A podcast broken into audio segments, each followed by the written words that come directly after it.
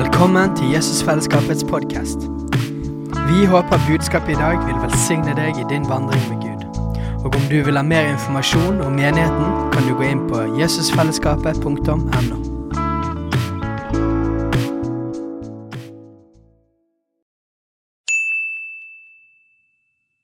Hei! Visste du at Jesusfellesskapet starter en ny bibelskole til høsten? Den heter Jesusskolen og starter den 3. september. Gå inn på jesusskolen.no for mer informasjon.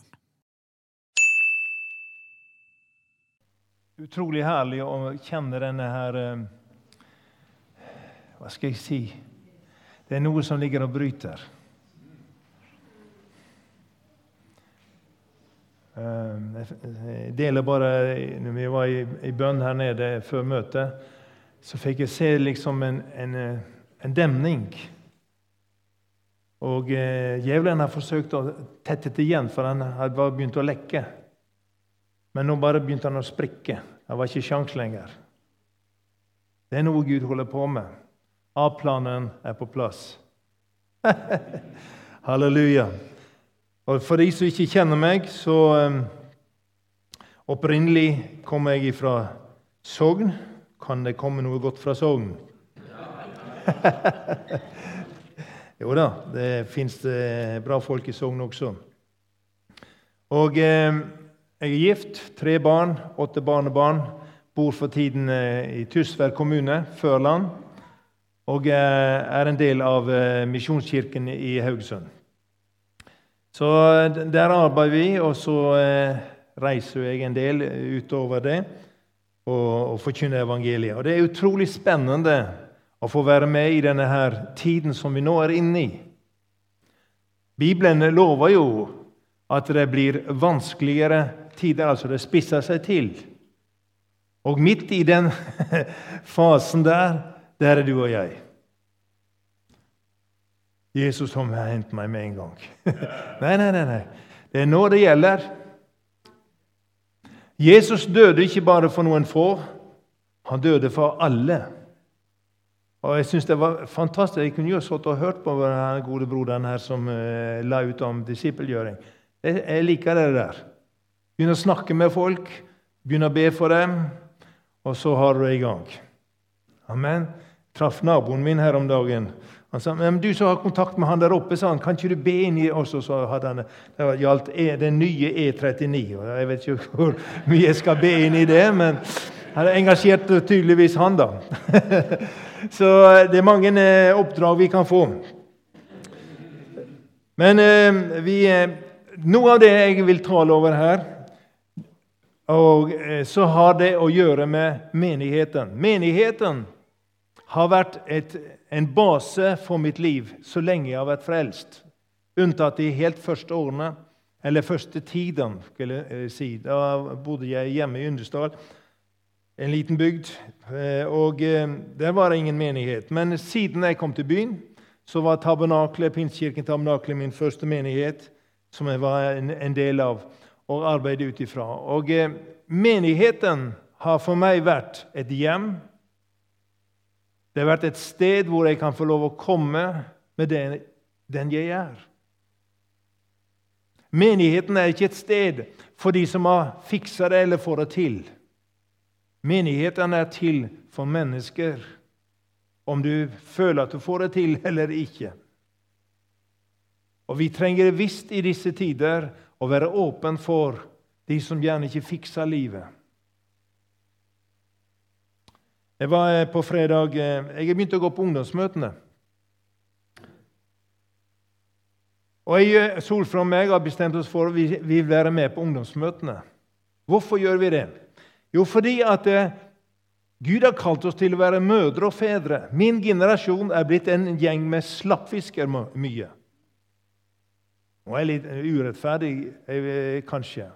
Men det er sant at i bredde så er det veldig i min generasjon Vi går til gudstjenesten, vi kaller det trofast, og sliter benker, kaller jeg det.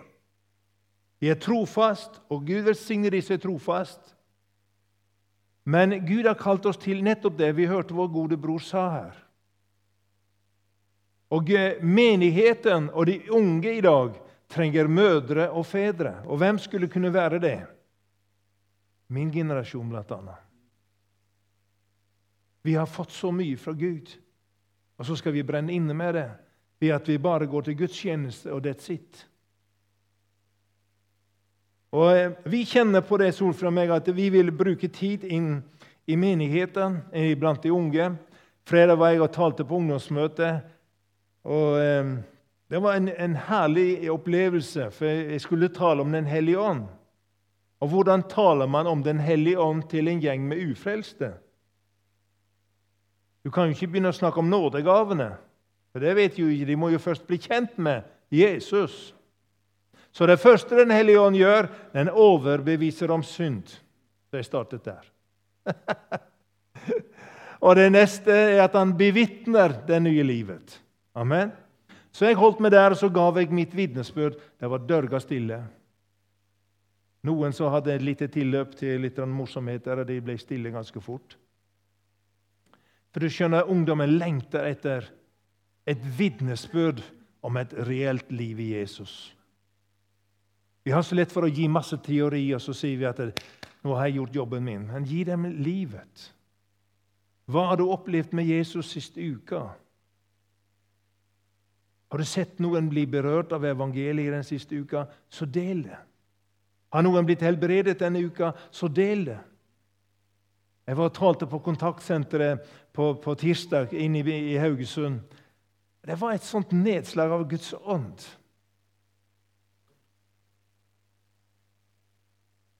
Folk som opplevde helbredelse. Bein jeg, jeg, jeg, lyver ikke. Det var så mye. Han var helt ødelagt i ryggen. Og så kommer Jesus og Guds kraft.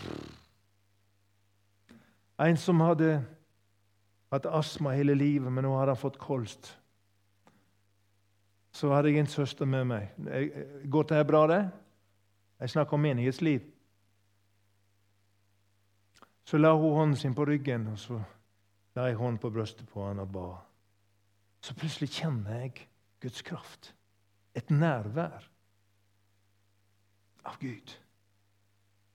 Og Idet jeg kjenner det, så triver han hånden min og trykker den inntil brystet sitt. Og så sier hun Oi, der skjedde det noe. Jeg kjente kraften rett gjennom ryggen på ham. Og han begynte å puste. Han drog inn lungene, var full. Det var, 'Jeg er fri', sa han. Så blir herlig å få høre litt mer hvordan det går med han. Og når du er borti noe av dette dynamiske åndslivet som Gud har kalt deg til, da blir du aldri den samme. Da har du hele tiden øynene åpne og øynene rettet utad. Så på, eh, på fredagskvelden kommer det fire jenter vet du, vil ha en samtale etterpå.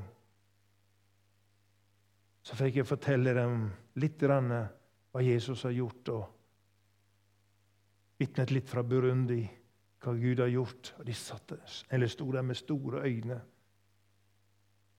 Og Så var det ei som hadde et bønneemne, og så kunne vi ta hverandre i hendene og så be til Gud. Det skal bli spennende å se hvordan det går med denne jenta. La oss gå til andre kor, åtte. For når jeg ble invitert Takk, brødre, for at jeg får lov å komme hit. Det er privilegium. Gleder meg over å se Åh, ja, Se det jeg ser, og høre det jeg hører, og få del i det. Andre kor, åtte, fem kom til meg. Og Der står det følgende Og de ga ikke bare slik vi hadde håpet. Og Nå skal jeg ikke tale om økonomi, selv om det kunne være fristende. Men det står her Men de gav seg selv først til Herren, og så til oss ved Guds vilje. Og eh, Det første vi legger merke til i dette bibelordet, og som jeg tror er en nøkkel for å fungere i en menighet og i et legeme, det er at eh, du har et møte med Gud. Og at du ikke bare er innom, som vi hørte vår bror fortelle her De ba en frelsesbønn, men hvor ble de av? Man må bli frelst og født på ny. Og eh, når du blir møtt av Jesus på den måten, så skjer det noe. For det står at de gav seg til Herren. Kan du med hånd på hjertet si at du har gitt deg til Herren? Ja, jeg er frelst, sier du. Herlig. Men det er også noe med vandringen, altså fortsettelsen. Frelsen er åpningen inn til et fantastisk liv. Frelsen er en åpning inn i Guds kraft og inn i Guds livet som Han har kalt oss til å fungere i. Er ikke det så? Og når du beveger deg inn tettere på. Det er da det begynner å skje ting rundt livet vårt. Amen. Så de gav seg først til Herren, står det. Og jeg, jeg, jeg blir så tatt av det, det verset her, og rekkefølgen. Eh, for eh, man må jo ta rette beslutninger her i livet.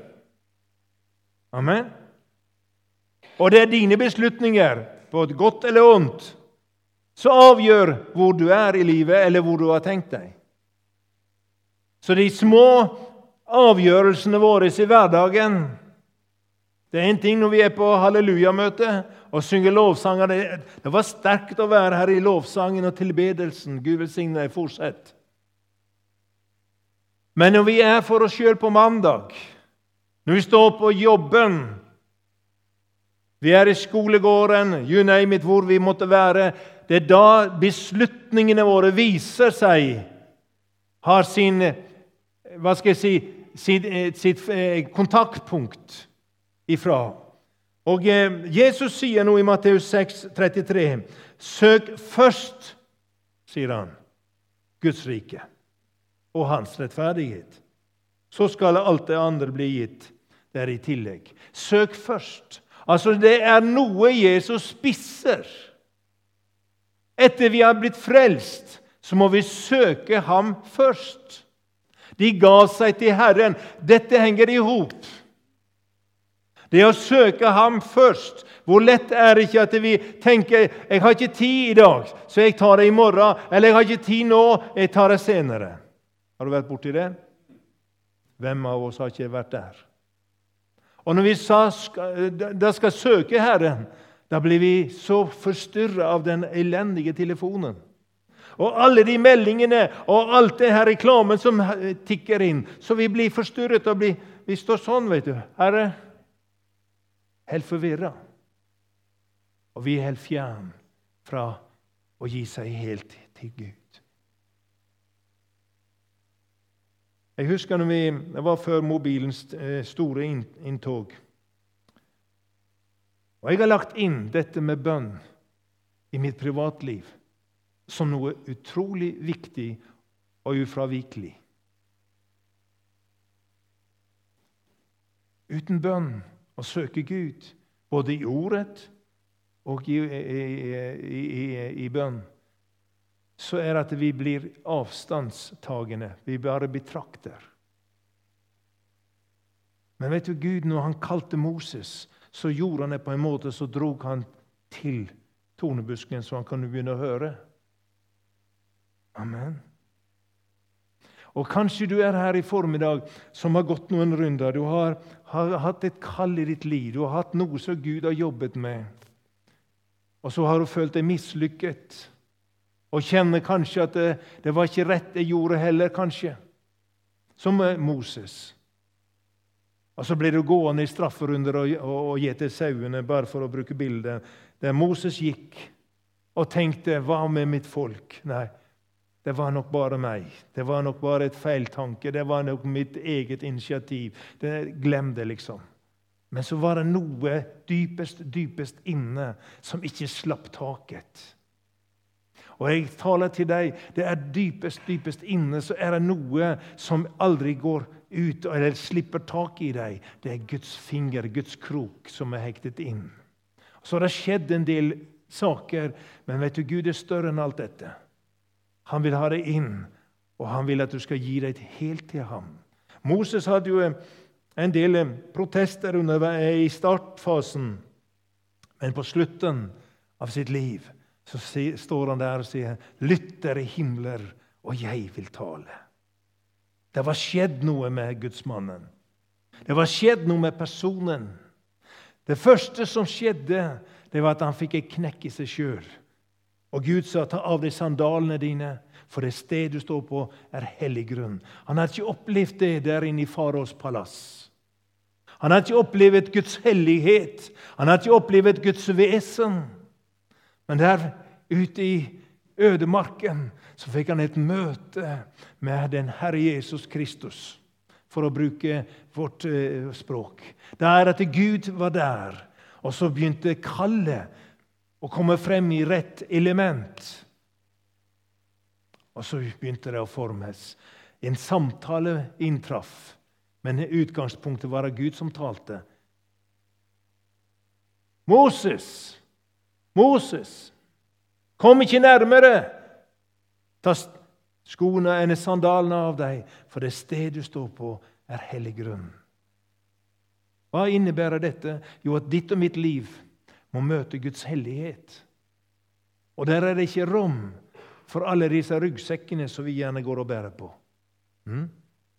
For Bibelen sier at veien er smal, og døren også er smal. Det, det nytter ikke å komme inn med en ryggsekk med masse bagasje. Vi må slippe det. Slipp deg sjøl også. De gav seg først til Herren. Søk først Guds rike. Så vi oppfordres å prioritere Guds rike først, altså Jesus først. Og Når vi snakker om det, så tenker vi ofte med en gang ja, jeg må være enda mer trofast på, på alt det menigheten holder på med i lokalet. Nei, jeg syns det var herlig, det her, som du sa. Vi må være trofast der ute. Jeg var inne og skulle kjøpe noen blomster til menigheten. Vi hadde ansvar for formiddagstreff. Masse folk kommer. Forrige gang var vi eh, omtrent 90. 88, tror jeg det var. Pers. Vi har det hver onsdag. Kaffe og kake også. Så jeg må, jeg må passe meg.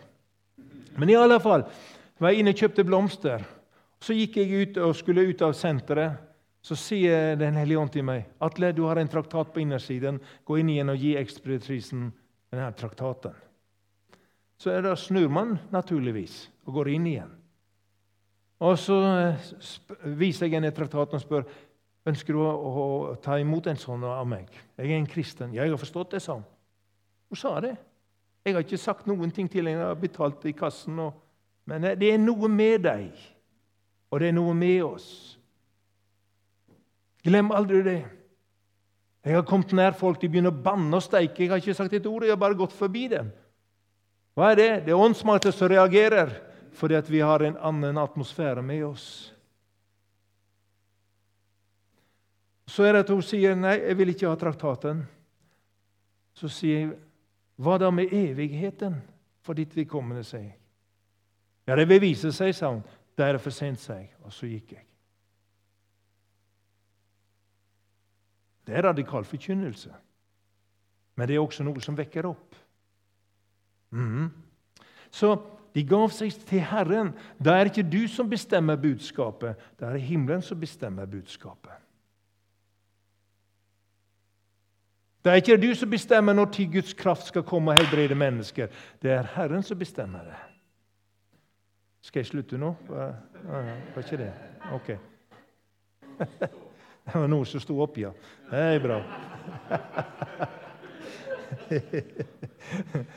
Så det å være en kristen det betyr at vi må leve tett på Jesus, så vi serverer fersk mat.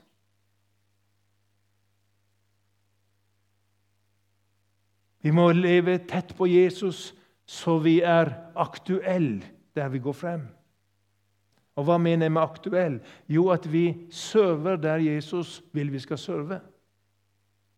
Jesus kom til eh, brønnkanten, og han var trøtt etter reisen. står det, og Han satte seg ned, og gjengen de stakk inn i byen for å kjøpe mat, og han satt der. Så kom det en kvinne som ikke hadde det så helt greit. Det er mange der ute som ikke har det greit. Og Han kunne sagt jeg orker ikke, Har du vært borti det, jeg orker ikke ta en telefon, og jeg er sliten. Jeg tenkte sånn i går kveld når jeg kjørte oppover etter en lang dag på julemesse. Jeg skulle ha ringt til en del. For jeg bruker ofte Når jeg kjører, så har jeg, da, har jeg bruker det enten til å be til Gud, eller så har jeg noen samtaler som jeg burde ha. Men i går så orket jeg ikke. Jeg var så sliten. Og det er ikke feil. Jesus var sliten, og så begynte samtalen. Og Da sier han, når disiplene kommer For han sier at 'jeg har mat som ikke dere vet om'. Ja. og de tenkte, 'Ja, men hvem har gitt han mat?' Jeg har mat. Og det er nettopp dette å gi noe av det du har og er bærer av, til mennesker som sulter, som er nedtynget, som trenger et ord fra himmelen. Amen. For mange år siden, eller en god del år siden og Jeg har sikkert fortalt det før, men jeg tar det igjen, for du har glemt det. Jeg var nede, Vi hadde hatt en samling med predikantene i byen. Og eh, jeg hadde bilen min stående nede på et, eh, et parkeringssenter. Og eh, der med Kjøttbasaren. Og Jeg var på vei innover brygga, og så gikk jeg forbi en familie som sto og glutta på alle trollene ute i vinduene der ute på kaia. det er utstilling, sant? og de sto der. Og Idet jeg så dem, så fikk jeg et ord fra Guds hånd. Og jeg opplevde Helligånd sa, 'Si det til dem'. Og jeg var gjenstridig. Har du vært borti det? Ulydig, eller du tenker 'Nei, det var sikkert min tanke'. Mm. Hvor mange har ikke mistet et ord fra Gud for at vi sier 'det var sikkert min tanke'? Har ikke du lest at vi har Guds ånd i vårt hjerte? Himmelen har tatt bolig i oss. Hvorfor gjør han det? Fordi at vi skal leve hans liv. Så jeg gikk videre. Helligånd sa snu og gå tilbake og si det. Og jeg tenkte nei, jeg, det, jeg klarer ikke det der. Jeg fikk sånn kamp. Og jeg gikk innover. Til slutt så sa, sa Gud til meg, 'Atle, du kommer alltid til å se dem igjen. Slapp av. Bare gå tilbake.' ja, Da begynte jeg å le. Jeg forsto hvor dum jeg var. Så jeg snudde og gikk tilbake, og de sto fremdeles og så på trollene. Og så eh, snur de seg. Du er jo høflig. Du kommer liksom ikke med løftede hender og skraper med beina og hopper og helt sånn her. Altså, det å være åndelig er å være naturlig salvet.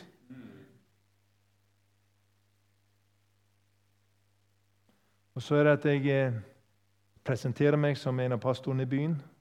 Så sier jeg jeg opplevde når jeg gikk forbi dere, at eh, jeg hadde ordet sånn og sånn, og så ga vi det. De ble så paff. Og Det var bare det jeg skulle gjøre. Jeg skulle gi dem den hilsen og ønske dem Guds velsignelse på reisen. Det var tyske turister, en familie. Og Jeg spurte senere herre, hva var det her for noen ting? Hvem var de? Jo, de var bønnebarn. Foreldrene lå i Tyskland og ba til Gud for dem, opplevde Gud sa. Så kommer de til Norge, så får de et klapp på skuldra. Veldig bra. Så overgivelsen i øyeblikkene, i valgene, det å leve tett på De gav seg til Herren. Det er nøkkelen. At du bruker tid med Gud. For at i den tiden vi nå går inn i, og som ligger fremfor oss, vil være så mye eh, tøffere eller det vi har vært igjennom så langt, kanskje. Og for at vi skal være lydhør for Guds stemme, så trenger vi å være online med Gud hele tiden. Amen. Og ikke bare være online og høre, men jeg ber veldig mye om Gud hjelp meg også å være lydig når jeg hører. For mange av oss har helt sikkert hørt mer enn vi har våget å gjøre. Ikke sant vel? Og Gud ønsker at vi skal ha handling i det vi holder på med. Priset være Herrens navn. Så det å, eh, eh, å, søke Guds rike først, eller prioritere Han fremfor noe annet, det er at eh, andre ting, ting trenger ikke være feil, men det er prioriteringslisten vår. Mm -hmm. Og nå er jeg litt pensjonist, både Solfri og meg. Og Det er jo et privilegium å kunne få lov å bruke tid også i sammen i bønn. Det er sterkt, det. At vi hver dag kan få løfte naboene våre innenfor Gud. Be for bygda vår, som vi, vi er en del av. Be for skolen i bygda, osv., osv. Amen. Det er jo et privilegium. Og Plutselig begynner folk å hilse på en annen måte. Hva er det som skjer? Jo, bønn fungerer. Folk blir oppmuntret. De stopper og prater med deg. De kommer innom.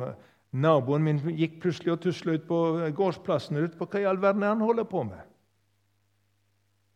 Og Jeg opplevde Herren sa det er noe av bønnens kraft. De søker Jeg har ikke våget å banke på enda, men det kommer nok enda tettere. Her i sommer kommer både han og kona tuslende rundt på nedsiden av tomten vår og inn og på terrassen. Så fikk vi sitte der og prate sammen. Ikke om Gud, men vi prater godt sammen. Når vi skulle flytte fra Kristiansund, sa naboen, den nærmeste damoren min Jeg har nærmest bedt til Gud, sa han. Han kom inn på terrassen min og satt og gråt. Jeg har nærmest bedt til Gud at ikke dere skal få selge, sa han, for jeg vil ikke at dere skal reise.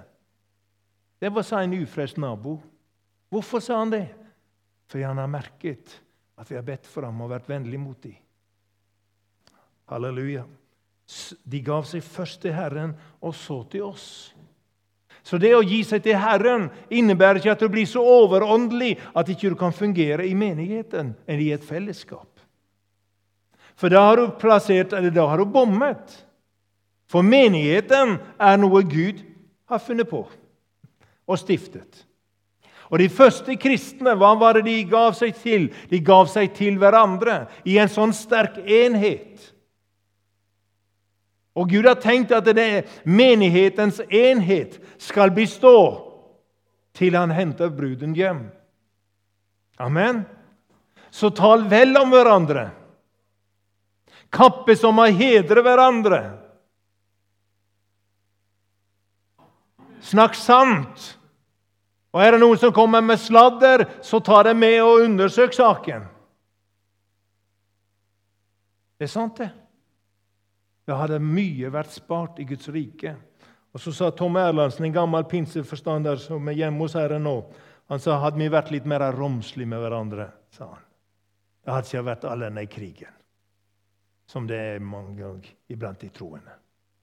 De gav seg først til Herren. Det er vanskelig å være sammen med Mesteren og så kritisere sine brødre og søstre samtidig.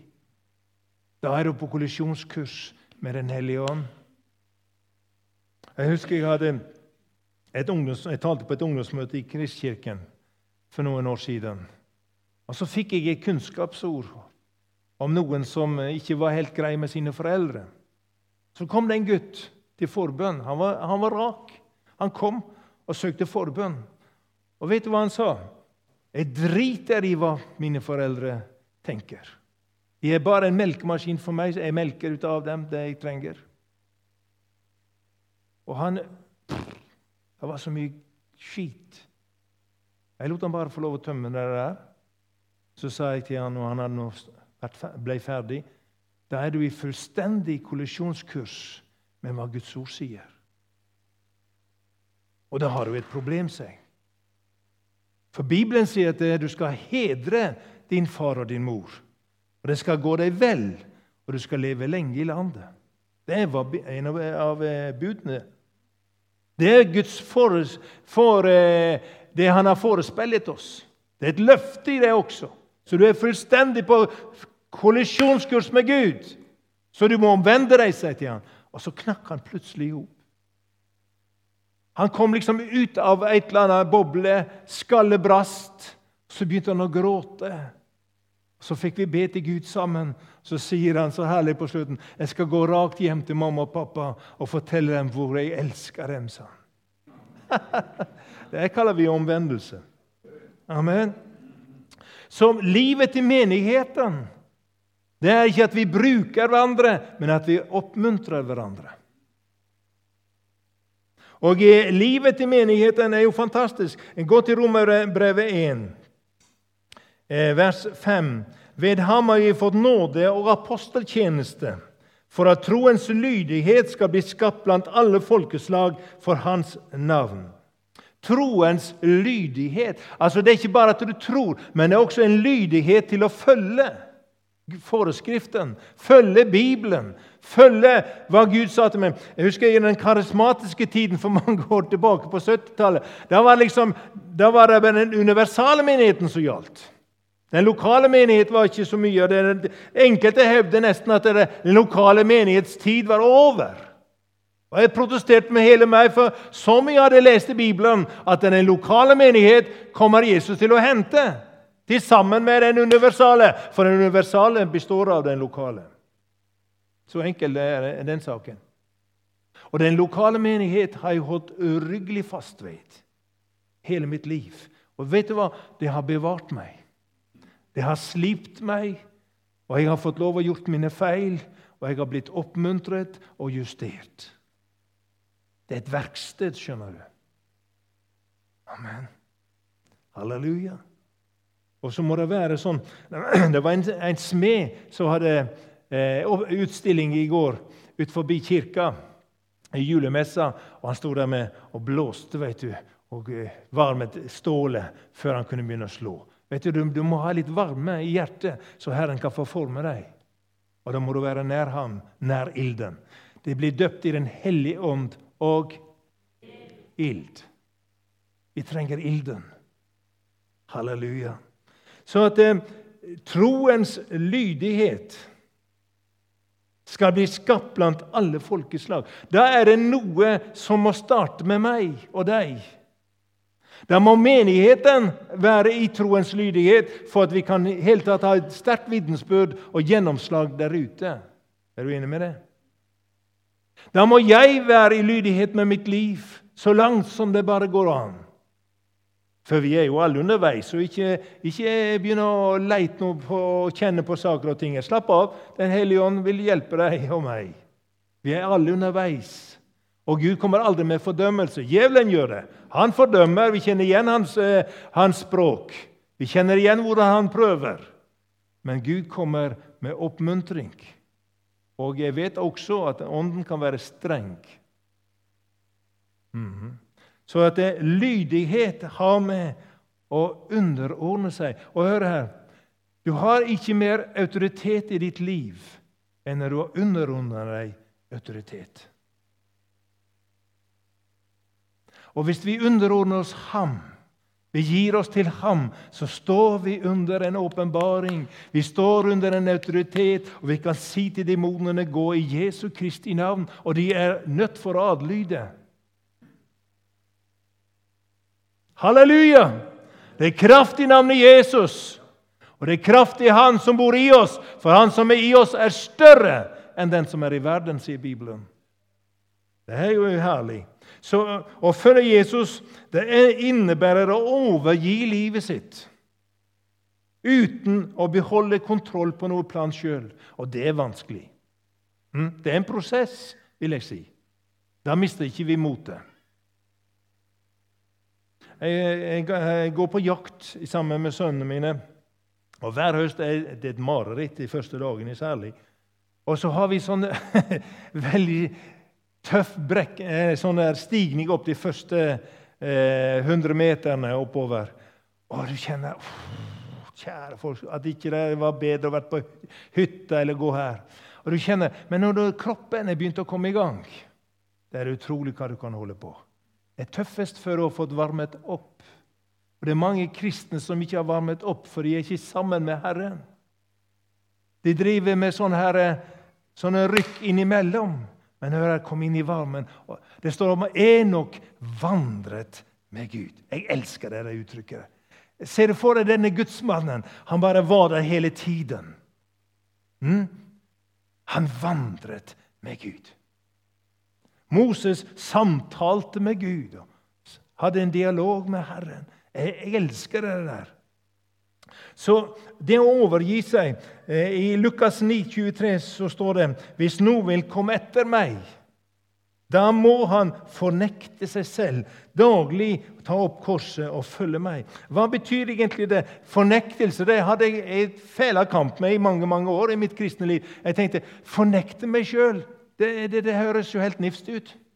Da er jo jeg ingenting. Det er ikke det Herren sier. Han har jo ikke skapt ingenting. Han har skapt noe og satt masse gaver og evner inne i livet vårt. Du er bærer av noe fantastisk. Du er jo ikke et null, du er et stort pluss. Halleluja. Så det, det å fornekte, kan vi si det på denne måten, sette Guds, interesse, Guds rikes interesser på førsteplass i sitt eget liv. Sette Guds rikets interesser på førsteplass i sitt liv. Mm. Det koster jo lite grann å gå inn på ungdomsmøtet på fredagskvelden. Da vil man gjerne ha, å senke skuldrene og sitte hjemme og fyre på peisen og ha det allment greit. Men det er noe her inne som brenner. Jeg sier, 'Herre, mer'. Så lenge mitt hjerte slår, så har jeg en bønn å fullføre løpet. Og ikke hale meg så vidt over streken, men kunne komme med fulle seil. Kunne salvet av Herren få lov å leve så lenge det puster i lungene. Det er min bønn. Jeg ønsker ikke å være en som bare tenker på gamle tiders vekkelse. Ja, det var herlig, og det var med og bygde en, en, en, en grunn i livet mitt. Men jeg har hele tiden har hatt en sånn nysgjerrighet. Hva mer, Herre? For boken forteller meg at jeg har bare rørt borti noe. Og det er mer å oppleve. Det var ikke mye halleluja på det. En ny runde, Herre. Se etter Guds rikes interesser og få dem på førsteplassen i livet ditt. Halleluja! Philip sto midt i vekkelsen i Samaria, står det. Det var fullt trøkk, og det var masse folk. var, Kan du tenke deg for en herlighet? Og Han kunne jo ha fastet der. Plutselig så sier Herren, 'Stå opp og gå.' Ja, hvor skal jeg gå? Jo, på en øde sti der ute i ødemarken. På veien. Der skal du møte en. Vet du hva? Gud har håndplukket deg for en periode eller å møte et menneske med et budskap. Og Philip var ydmyk nok og hadde Guds rike på førsteplass og gikk ifra hele vekkelsen i Samaria og kom til en nytt punkt hvor det var én som kom inn i lyset fra Herren og med vekkelse i sitt liv. Han ble, hans indre liv ble åpenbart, og han sa, 'Her er vann.' Hva er til hinder for at jeg kan bli døpt? Så ble han døpt, og Philip han forsvant. Og denne mannen brakte evangeliet til et helt nytt kontingent i verden. Én mann. Én mann.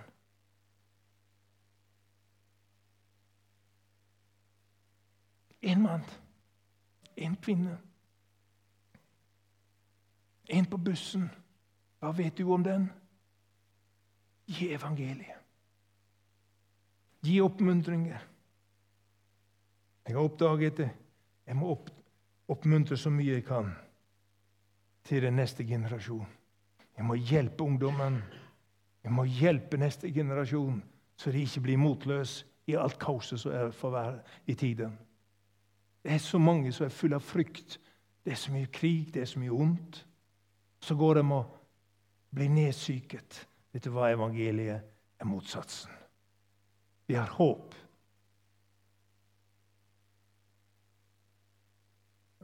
Dere var ikke så glad for det. Jeg sier vi har håp. Vi har et håp. Uansett hva som skjer, har vi et håp.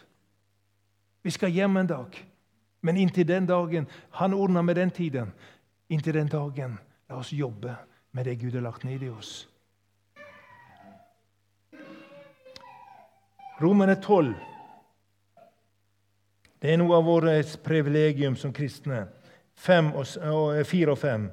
Romerne 12, 4 og 5.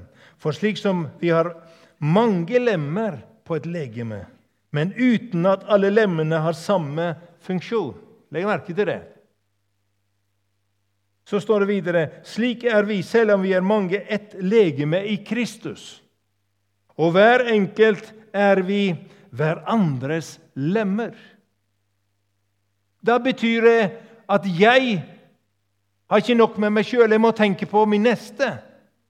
Jeg er bærer av noe som de andre behøver. Jeg er bærer av noe som de andre higer etter og trenger for at veksten skal bli skikkelig og styrket. Amen. For eh, Første kor 12,18 sier Men nå har Gud satt lemmene, hver enkelt av dem, på legemet akkurat slik som han vil.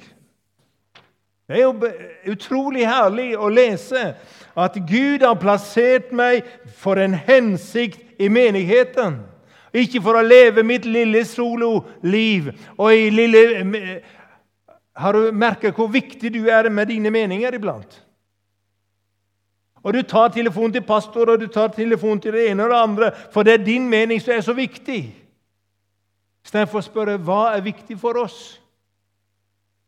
Og så skal vi sammen få lov å bygge hverandre opp og bli styrket med det Gud har gitt meg. Amen. Så det er, det er absolutt på sin plass og en nødvendighet at jeg finner min plass i menigheten, i legemet. For har du kuttet av neste ved kneet her, så hadde jeg hatt en, en, stor utfordring for å kunne gå. Jeg hadde ramlet, kanskje. Jeg hadde klart å stått en stund. Eller å ha kuttet av en arm, eller gå enda litt lenger ned. Kutt av en finger. Da har du med en gang mer jobb for de andre. Vanskeligere å gripe. Forstår du meg? Du er så viktig. Ja, men jeg vil være synlig. Hva er det for noen ting? Ofte er det kjøttet vårt som vil vises. Hvis ikke salvelsen baner vei, glem det. La Herren få lov å bane vei for deg. Hvis du har et hjerte og vil tjene, så vil Herren bane vei for deg og gi rett tid. For kommer du for fort frem, kanskje, så smeller det. Vet du, En skal kjøre, eh, lære seg å kjøre bil. Det nytter ikke å ha de ut på en, en, en sånn her eh, autostrade med 110 km i timen første dagen. De vet jo ikke eh, altså Der er gassen, og så er bremsa. Hva er det der for noen ting? du må lære deg hvordan det fungerer. Og Jeg var så heldig som nyfrelst å få vokse opp med de eldre som lærte meg. Jeg fikk være sammen med Jeg har brukt tid med eldre kristne som hadde erfaring og kunne tale visdom inn i mitt hjerte. Jeg har brukt netter sammen med sånne. Fordi at jeg som ung evangelist trengte å høre hva de eldre hadde å si. Gamle eh, forstander Heggelund i, tabernakelet i sin tid de forteller om han, denne gamle høvdingen. Midt i kontortiden så ser jeg han plutselig komme ut fra kontoret, ta på hatten, hente stokken sin ned og på med frakken og Så sier han til evangelistene, for det var mange evangelister på den tiden, i tabernaklet, så sa han, 'Kom an, gutter.' Og så gikk han. Og Så forteller de, da gikk de til fløibanen og tok den opp. Og Så gikk de innover et lite stykke. og Så satte han seg på en trestubbe eller inni der, og så satt han og snakket med disse evangelistene. 'Hvordan har dere det egentlig?' Hvordan går det på feltet? Så de brukte, brukte sånne uttrykk den tiden. Hvordan er det på feltet? Hvordan er det å ha møter rundt omkring? Og hvordan har dere det? Og satt denne forstanderen og samtalte med evangelistene. Å, hvor jeg har savnet dere der når jeg var ny. At noen kunne bry seg om å sette seg ned og samtale med meg. Det er der vi kommer inn. Som menighet skal vi serve hverandre og oppmuntre hverandre. Jeg hadde, hadde teltmøter inne i Matre. Har du kjørt den veien? Over Romerheim, og så kommer du ned. Akkurat når du kommer ut av tunnelen, der er sånne laksebord. De fisker laks der. Der hadde jeg et stort telt. Og hadde teltmøter i 14 dager i Matre. Fikk en innskytelse. Skulle gjøre det. Lånte teltet av Jon Eckholm, en gammel pinseforstander i tabernaklet. Eh, lånte lastebil av en av eldstebrødrene og kjørte inn der satt opp telt, fikk team fra Trondheim og styrte på. Én kom til Jesus. Bjørg kom hjem.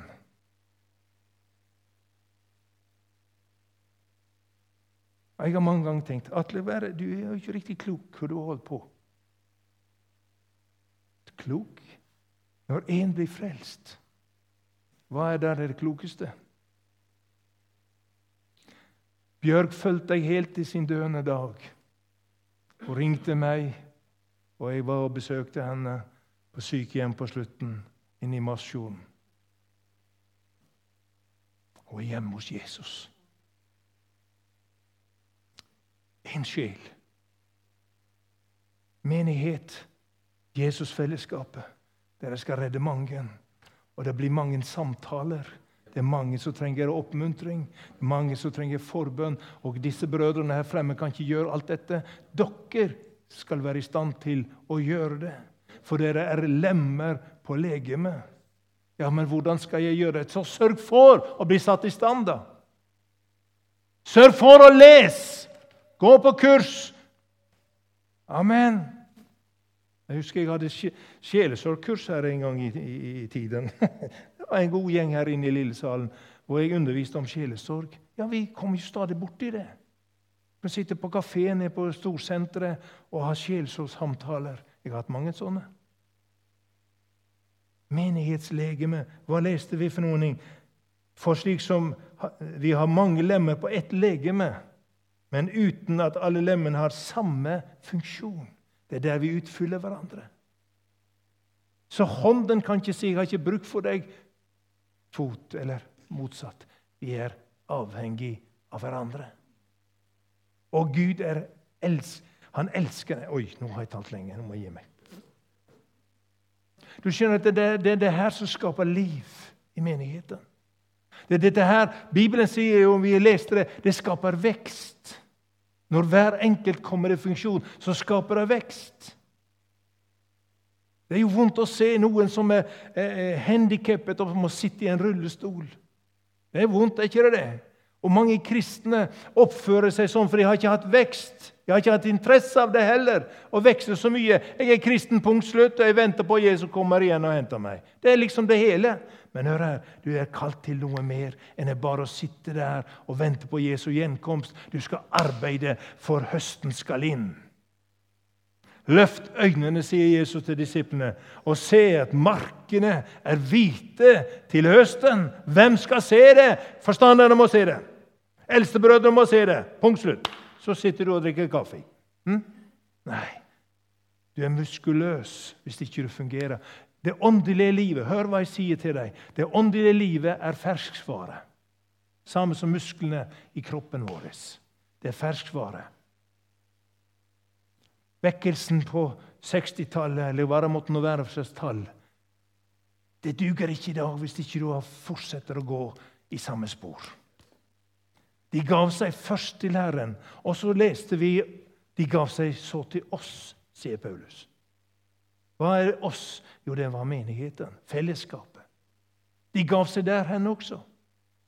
Solfrid og meg har flyttet for et års tid siden til en helt ny plass. Og, og, og eh, begynte å gå litt i Misjonskirken. Og det var ganske fremmed. Det var bare nye folk. Kjente ingen, unntatt vår egen familie som gikk der. Men hvis du, du kan sitte der og bare liksom måle og sense alt som skulle vært annerledes. Ja? Eller du kan gi deg inn med det du har, og utfylle noe av det som trengs. Mm? Folk kommer inn som en ubåtkristen. De dukker opp når det er litt sånn, og så lar de peroskopet gå. Mm, OK, så går vi ned igjen. Det var ikke sånn som jeg kunne tenke meg. Liksom. Istedenfor å gi seg hen og være med å bety en forskjell. Og gi inn noe av gavene som Gud hadde satt i menigheten og tiltenkt for at det skulle bli vekst. Mm? Så Sånn er Gud tenkt med deg også. Uten ham, står det i Efeserbrevet 4,16, eh, blir hele legemet eh, Nei, ut fra ham, unnskyld. Ut fra ham blir hele legemet sammenføyd. De gav seg først til Herren. Ut fra ham blir legemet sammenføyd. For jeg elsker Jesus. Og så møter jeg Steinar og Fredrik er nede i kjelleren. Jeg bare, halleluja, det var godt å komme. Vi kan glemme gudstjenesten om det så var. Vi kunne bare være her i fellesskapet. Det er sånn å komme inn i varmen, inn i Guds menighet. Og så sier eh, Paulus det videre eh, sammen, eh, legemet sammenføyd og holdt sammen ved den oppgaven hvert ledd har. Gratulerer med dagen. Du er ikke arbeidsledig. ja, hva skal jeg gjøre? Nei, er, Alle kan ikke stå på plattformen, naturligvis. Men alle kan ut og evangelisere, vi kan be med mennesker, vi har naboer. Vi har så mye vi kan holde på med. Og til slutt her Nå skal jeg gi meg. Det å være limet i menigheten med den gaven Gud har gitt oss. Enkelte. Vi er lim. Mm? Så eh, leser vi i apostelgjerne 11,24. For han, altså Barnabas, var en god mann, full av Den hellige ånd. Når tid ble du sist fylt av Den hellige ånd?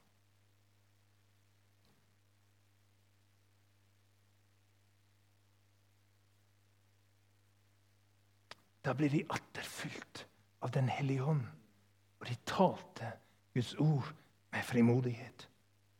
Du trenger, og jeg trenger, Den hellige ånd. Et fellesskap med Den hellige ånd hver enda dag.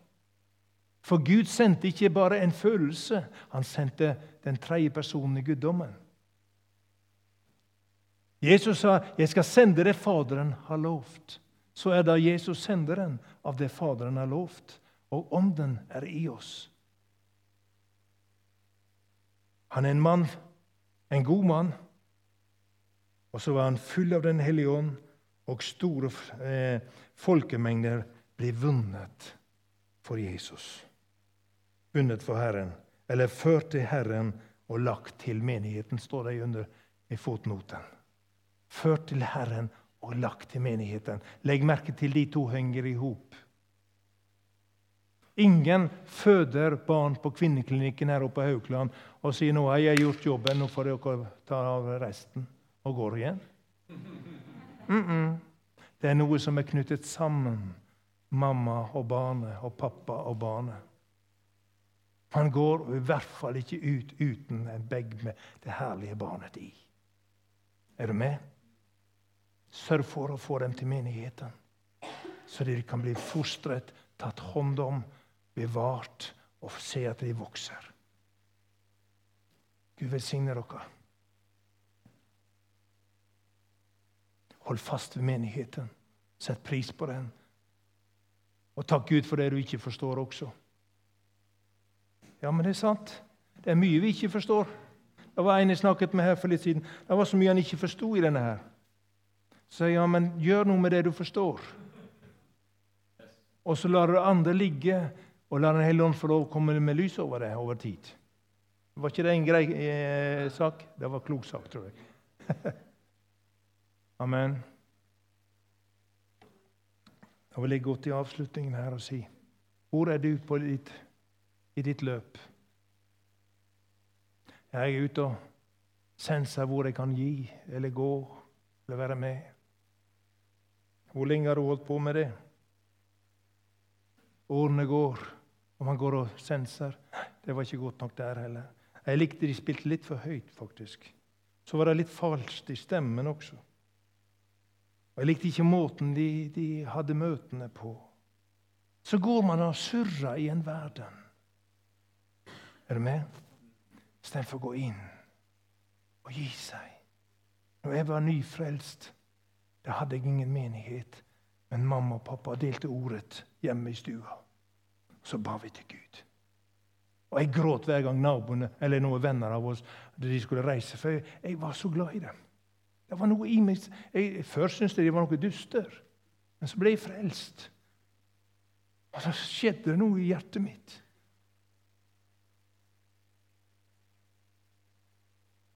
Det er det som er forskjellen. Skal du gi deg inn med den du er, med det du har, og si og legge deg ned for Herrens føtter og si, 'Herre, her er jeg med det du har gitt meg.' Kan du bruke meg, så er jeg her. De gav seg først til Herren. Så ga de seg til brødrene, til menigheten. Mange ganger så er det det at de ikke gir seg til menigheten, er at de ikke har gitt seg til Herren. Men de lever et solospill.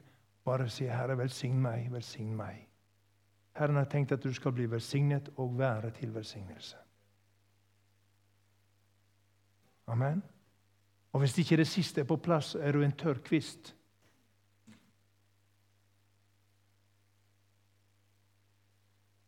Fordi at du, du lekker ikke Jesus ut i andre. Men det er når sevjen begynner å flyte, vet du oh, Det er der det blir liv, og det blir bøyelighet, og det kan blåse litt, men man sveier med. Og så er det at det skjer noe. Det blir frukt. Far, jeg takker deg. Velsign forsamlingen. Velsign søstre og brødre. Velsign barna, ungdommen. Far, takk for at du elsker generasjonene. Og du har satt oss sammen som en enhet. Fra de små som går her, og til de eldste. Og du har satt oss sammen i en sunnhet.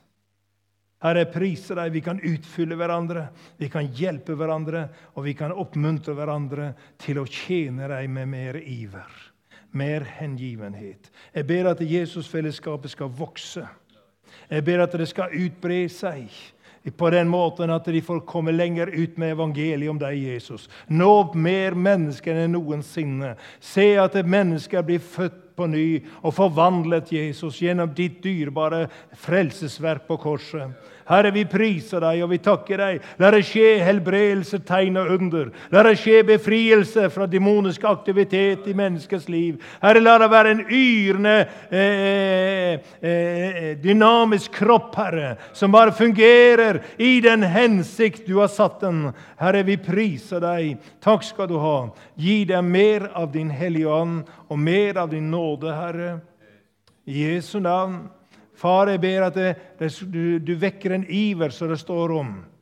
Du vakte sånn iver i Serobabel. Du vakte en iver i den første menigheten, og de bygde eh, far, og jobbet i ditt rike. Gjør det så her med oss også, Gud. Inklusiv meg. Mer iver, Jesus.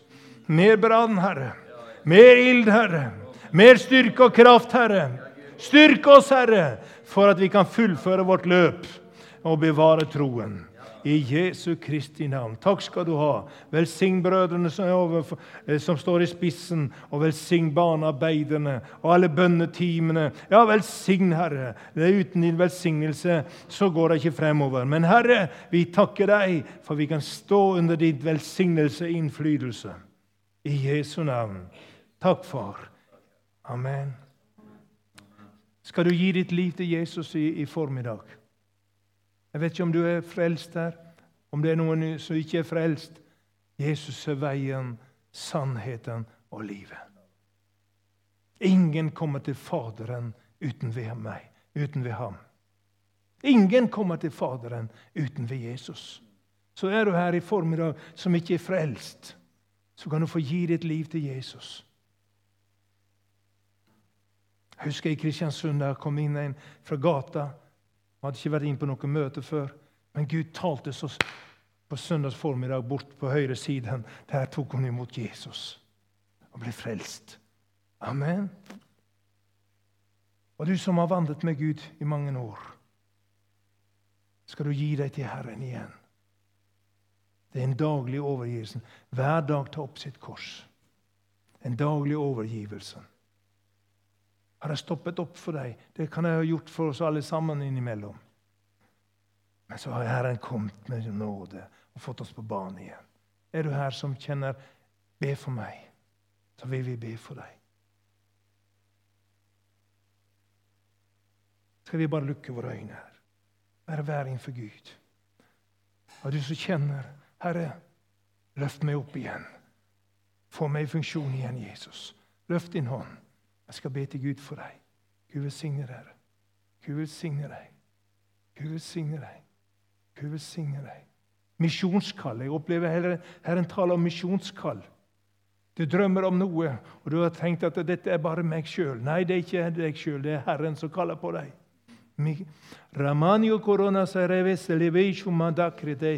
Det er et kall fra himmelen. Det Er enda flere som kjenner Be for meg. Jeg vil ut på banen igjen og løpe. Jeg vil komme i gang igjen med mitt liv. Jeg vil inn på nye områder som jeg ikke har vært ennå. Halleluja.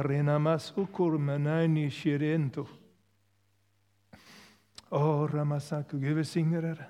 Mange hender oppe her. Gud velsigne deg. Herren gjør et verk her.